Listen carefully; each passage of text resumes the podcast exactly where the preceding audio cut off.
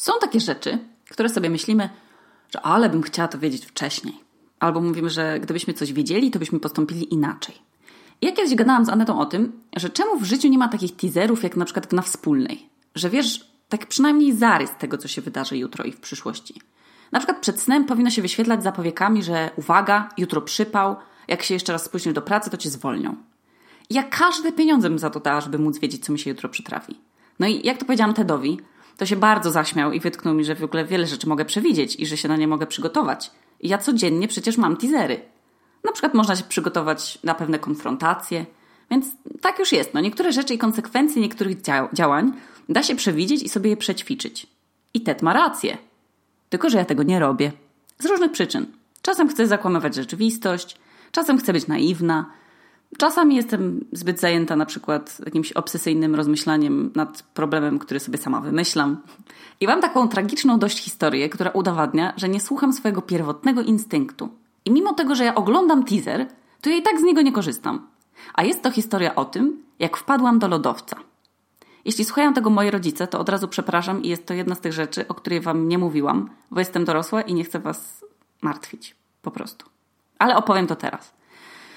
Więc byliśmy z Amadeuszem sobie na wycieczce na naszym ulubionym lodowcu i to był taki na maksa mroźny dzień. Serio. Było bardzo zimno i gil w nosie zamarzał i, i sklejał nozdrza. I jezioro powstałe przez stopniejący lodowiec też zamarzło. I przed wyjazdem z domu ja nie wiedziałam, jakie buty spakować. Czy brzydkie, ale bardzo praktyczne, ale też lekkie buty trekkingowe, czy ładne i wygodne Timberlandy, w których się po prostu fajnie wygląda. No i jest prawdopodobieństwo, że na przykład przemokną mi te buty od śniegu, więc warto w sumie mieć drugą parę. No i postanowiłam, że wezmę obie, bo w końcu jedziemy furą. I to był jedyny raz, kiedy uwierzyłam swojej intuicji tego dnia. I dzień był fantastyczny, pogoda była piękna, no wszystko było super. Chodziliśmy sobie po tym zamarzniętym jeziorze lodowcowym razem z masą ludzi i ten lód był taki nieśliski, bo był pokryty pyłem wulkanicznym. I weszliśmy nawet do jaskini lodowcowej, która nie była w sumie jaskinią, bo nie miała dachu. To był bardziej tunel lodowcowy. W każdym razie cały czas na tym lodowcu słychać było takie skrzypienie.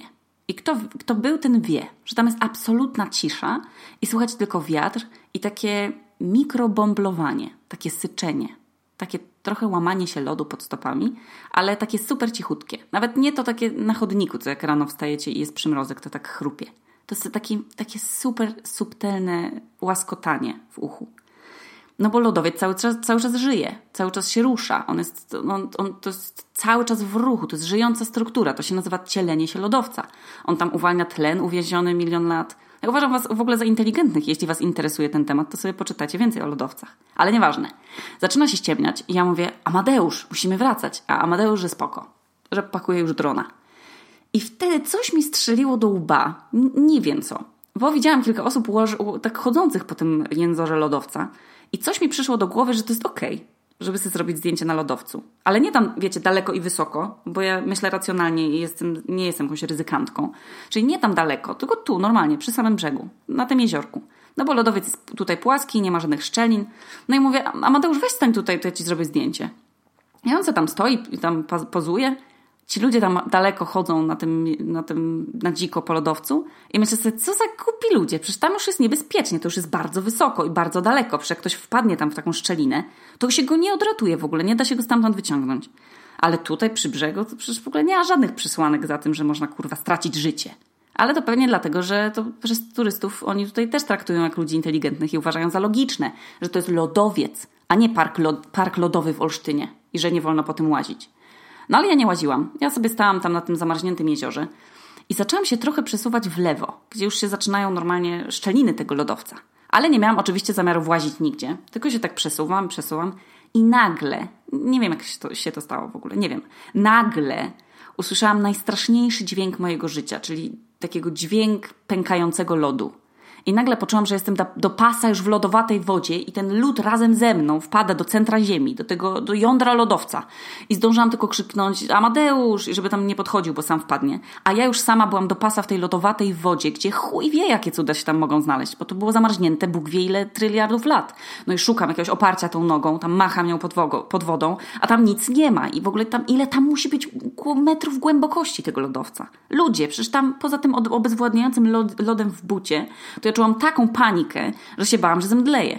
I pierwsza myśl, że ja muszę się jakoś wturlać na ten lód z powrotem, ale on się przecież może dalej załamać i ja wtedy cała wpadnę i mnie to wciągnie na, pod ten lód.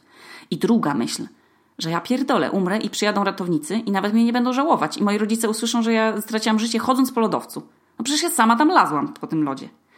No i jakimś tam cudem się podciągnęłam i, i cała mokra wylazłam i wszyscy się na mnie patrzyli, ale nikt nie pomógł. Ale ja oczywiście byłam w adrenalinie totalnej i zaczęłam się bardzo histerycznie śmiać. Że ja w ogóle, jak to jest możliwe, że ja wpadłam do lodowca? Że to jest 100% mojego życia. To jest kwintesencja w ogóle mojej, mojej życiowej historii. Moje bio. Wpadła do lodowca. To, to już w ogóle z perspektywy czasu nie jest tak przerażające, ale było na maksa. I ten dźwięk zapadającego się pod tobą lodu jest przerażający. I mi przeszło przez myśl, jak słyszałam ten skrzypiący lodowiec. To chrupanie subtelne. I pomyślałam sobie, kurwa, idź tam już bardziej w lewo, bo jakoś dziwnie to chrupie. No ale to przecież lodowiec, więc tak chrupie, no zawsze tak robi. Czyli widzicie, ja już mam przed oczami teaser, nie idź tam. I, i mam tę intuicję, którą mi ewolucja przecież obdarowała mnie tym, tym giftem. I ja mimo wszystko tam poszłam. I te drugie buty mi się, kochani, przydały. Odkryłam też wtedy wodoodporność spodni i ile schodzi siniak z kolana i co to znaczy sobie zerwać ścięgna. I ta historia nauczyła mnie też, że nawet tak odpowiedzialne i mało lubiące ryzyko osoby jak ja mogą umrzeć na Islandii. I ja się teraz nie śmieję. Pociesza mnie jedynie myśl, że ja nie jestem jedyną osobą, która tam wpadła, bo wpadł też Karol Wójcicki. Pozdrawiam cię, Karolu.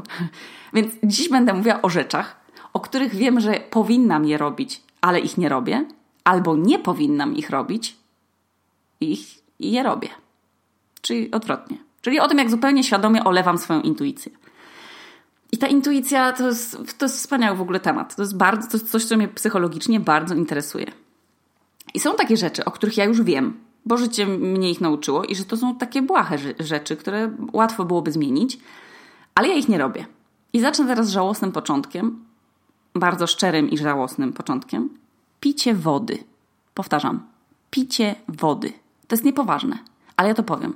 Ja dziennie piję jakieś 33 ml wody i raczej to robię przypadkowo. Na przykład w, knajp, w kawie albo w mandarynce.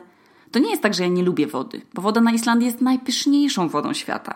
Zimna woda z kranu tutaj smakuje wspaniale. Ona ma od razu idealną temperaturę, smak. Czujesz, jak ona od razu ci wypełnia zmarszczki i leczy wszystkie choroby. Ja mówię serio. Jak byliśmy na tydzień w Polsce, to ja marzyłam tylko o tym, żeby się napić zimnej wody z kranu w domu. I to była pierwsza rzecz, jaką zrobiłam po wylądowaniu, już w stanie wegetatywnym chyba z odwodnienia. Picie wody to jest gruby temat, na który mam sporo przemyśleń. Po pierwsze, Mamy 2018 rok. Wody pitnej na naszej planecie jest tylko 3%, z czego ja nie wiem, ile to jest woda uwięziona w lodowcach i mieszająca się z oceanami, więc jest to bez sensu, nie da się jej pić. Ale są kraje, w, których, w których wody słodkiej w ogóle nie ma. W ogóle jest na Netflixie taki program, który się nazywa Explained i tam jest odcinek o kryzysie wodnym i weźcie sobie go odpalcie tam z tej bajki o kurwa o koniu animowanej. To się czegoś nauczycie. W każdym razie, co jest do dupy z tym piciem wody, to jest to, że my w 2018 roku mamy aplikację w telefonie, aplikację do picia wody. Czy wy to rozumiecie? Aplikacje przypominające o piciu wody. Co, co, co to za parodia społeczeństwa w ogóle robi takie aplikacje? Ja nie wiem, co jest najgorsze z tego wszystkiego. Czy to, że ja zapominam o piciu wody i mój organizm mimo, mimo tej ewolucji nie sprawia, że ja nie umieram z odwodnienia? Czy to, że ja czuję, że mi się chce pić, ale na przykład nie chce mi się w danym momencie wstać po szklankę z wodą i obiecuję sobie, że, się napiję zaraz, jak wstanę i nie wstaję i potem się zapominam napić? Czy to, że na przykład ktoś zrobił aplikację do picia wody? Chciałam zażartować, że zaraz wymyślą aplikacje do oddychania, ale one przecież już są. W jakim kierunku poszliśmy jako cywilizacja? Czy w ogóle myśleliście, jak kiedyś były początki internetu i była CDA.pl i tam jeszcze były gry a nie filmy pirackie, to czy w ogóle myśleliście o tym, że, że internet stworzy aplikację do oddychania? I to jest chore, że my musimy w ogóle w dorosłym życiu się uczyć oddychać. Ja nie umniejszam w ogóle temu, bo ja sama nie umiem świadomie oddychać. Tylko gdzie my zmierzamy jako cywilizacja, skoro my musimy sobie nawet oddechy liczyć aplikacją? Co do szalonych aplikacji, Jakbyście się na przykład e, zastanawiali, czy jest, że, już może niedługo będzie aplikacja od, za przeproszeniem, sarania, to już są takie aplikacje, bo Niemiera dzisiaj rano mi wysłała, że istnieją też takie aplikacje, które, gdzie możecie sobie wpisywać na przykład, kiedy robicie kupę i jaka ta kupa jest. Znaczy, sądzę, że ma to pewnie w jakichś schorzeniach jakieś medyczne zastosowanie, więc może nie jest to taki do końca głupi pomysł. No ale co jest niesamowite, w ogóle niesamowite są. Rynek aplikacji codziennie mnie zaskakuje. To jest szalone. W każdym razie druga rzecz, która, która wiem, że mi nie służy i ja ją lubię i sprawia mi ona niewiarygodną ulgę i radość, a mimo wszystko jej nie robię, to jest yoga. I odkryłam to jogę, jak się tutaj przeprowadziłam, bo praca fizyczna to nie jest bajka i trzeba było sobie jakoś rozciągać plecy. I najpierw zaczęłam robić tę jogę na dywanie, bez maty. Normalnie na YouTubie z kanałem Yoga z Adrienne. I Adrienne to jest super osoba, którą ja bym chciała być przez jeden dzień, bez kitu. Ona jest tak wyluzowana, ona tak fajnie podchodzi do tej jogi, że to po prostu to jest yoga, to jest rzecz, dzięki której znajdujesz to, co ci służy. I to jest super filozofia. Nie robienie kurwa stania na głowie w wyciętych majtkach na plaży z włosami splątanymi sprayem z solą. Nie, że musisz mieć nagle matę do jogi w monstery i ta mata kosztuje 300 zł. Tylko to jest yoga na podłodze w dresie i nie potrzebujesz do niej nic. Jest za darmo. I strasznie mi się to spodobało, ta jej filozofia. I robiłam przez rok jogę codziennie. Później już chodziłam nawet do takiej szkoły, gdzie było tak bardziej fancy i była podgrzewana podłoga i nawilżacze powietrza i pot się skraplał ze mnie i z sufitu i to było najlepsze, co sobie można było zimą zaserwować w Reykjaviku. Robienie jogi w 40 stopniach w nawilżonym powietrzu z widokiem na te różowe zachodzące słońce na, na górze Esi. Piękne. Dostałam karnet w pierwszej swojej pracy na święta i chodziłam tam z taką przyjemnością. Chyba muszę teraz zastanowić się jeszcze raz nad tym i tam pójść. I ja kochałam robić tę jogę. Kochałam w ogóle to, że moje ciało w końcu mnie przestało boleć, że się nauczyłam poprawnie stać, reagować na to, co mnie boli, oddychać głęboko. I ja po każdej jodze się czułam, jak normalnie wąż, co zmienił skórę. I byłam tym naprawdę zafascynowana. I potem pojechaliśmy do Indii i w Indiach też robiłam jogę. Na dachu, wysoko, z jaszczurkami i wśród głów palm. Było to ekstra, było gorąco jak pieron. Się ślizgałam jak cała po tej macie. Ale jak wróciliśmy z Indii, to przestałam robić jogę. Nie wiem, co się stało. Miałam przecież wyuczony nawyk. Już, już nawet chrzanić ten nawyk i ja lubiłam to robić. Nie nudziło mi się to.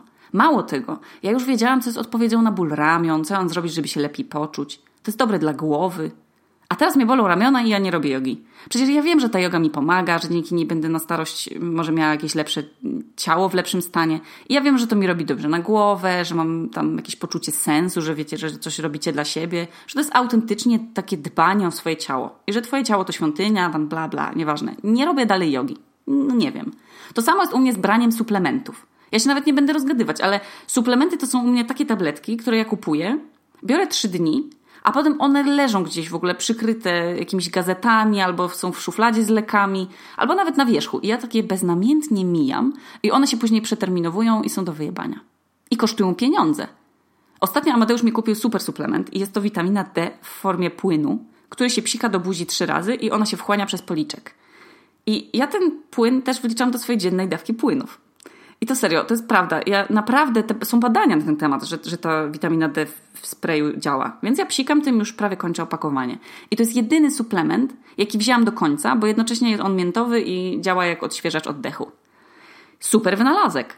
A jak wiadomo, witamina D na mojej szerokości geograficznej, geograficznej 66 stopni na północ, a zresztą w Polsce chyba przecież też. Witamina D to jest król dobrego samopoczucia zimą. I jak komuś mówisz, że masz depresję, to ten ktoś nagle zawsze mówi: O, a brałeś witaminę D? Albo na przykład mówisz komuś, że jesteś zmęczony, bo nie spałeś trzy dni i ktoś mówi, bo nie brałeś witaminy D.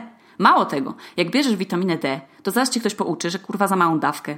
Albo, że witaminę D trzeba suplementować z inną witaminą, z witaminą K, bo inaczej to bez sensu. Wszyscy się stali ekspertami od witaminy D. Ja nie wiem, czy wszyscy pokończyli studia o witaminie D. I ja teraz wiem, że powinnam suplementować magnez, bo mi oko lata. Powinnam suplementować witaminę D i K i też coś tam brać na włosy i na paznokcie, bo warto, jakiś kolagen. I, I, ja nie suplementuję. Ale żeby na przykład sobie zasuplementować czekoladkę przed snem, to zawsze pamiętam. Żałosne. Mam, mam 25 lat i nadal nie umiem brać leków systematycznie. I teraz będzie wasza ulubiona część, bo będzie o TEDzie.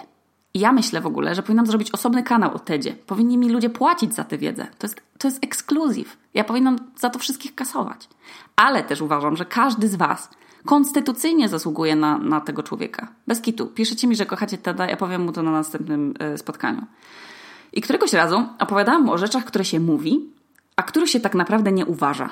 Że no po prostu mówimy coś w złości, wcale tego nie myślimy, potem nam szkoda, żal, a mleko już rozlane. Jeszcze gorzej, jak coś to zostanie napisane w kłótni wirtualnej, bo to już jest tam na zawsze i może zostać wyciągnięte spod tego dywanu, gdzie my to zamiatamy nogą, to może być wyjęte w każdej chwili. I Ted mi opowiedział o płacie przedczołowym. W ogóle słuchajcie, ile dzisiaj ciekawostek. Tu was, tu was edukuje o witaminie D, tu, tu o lodowcach, teraz o płacie przedczołowym. Jezu, zaraz zmienią mi kategorię na Apple Podcast z, z tego, z komedii na, na edukacja. No ale nieważne. Ludzki mózg rozwija się do 24 roku życia. Czyli mój mózg jest mózgiem w pełni ukształtowanym dopiero od roku. Szok, co? I jest taka część mózgu, zwana płatem przedczołowym, i ona odpowiada za zastanawianie się nad tym, co się mówi, nad konsekwencjami swoich działań. To jest ta część mózgu, która jest naszym takim zdrowym rozsądkiem i ona pilnuje trochę emocji. I płat przedczołowy rozwija się bardzo długo. Dlatego na przykład nastolatki mówią do rodziców: Nienawidzę cię, trzaskając drzwiami, i nie czają, że to jest bolesne i nieprawdziwe. I teraz uwaga: jak ta część mózgu jest zbyt długo stymulowana, na przykład podczas kłótni, czyli piszesz, ktoś odpowiada, piszesz, ktoś odpowiada, wkurwiasz się, ktoś odpowiada, później te kropki nieszczęsne, falujące, i widzisz, że ta osoba przestaje pisać i chcesz coś mega złośliwego powiedzieć, już, już to piszesz. I wtedy właśnie płat przedczołowy się przegrzewa. Za dużo, za szybko, emocje, to coś tam synapsy świrują.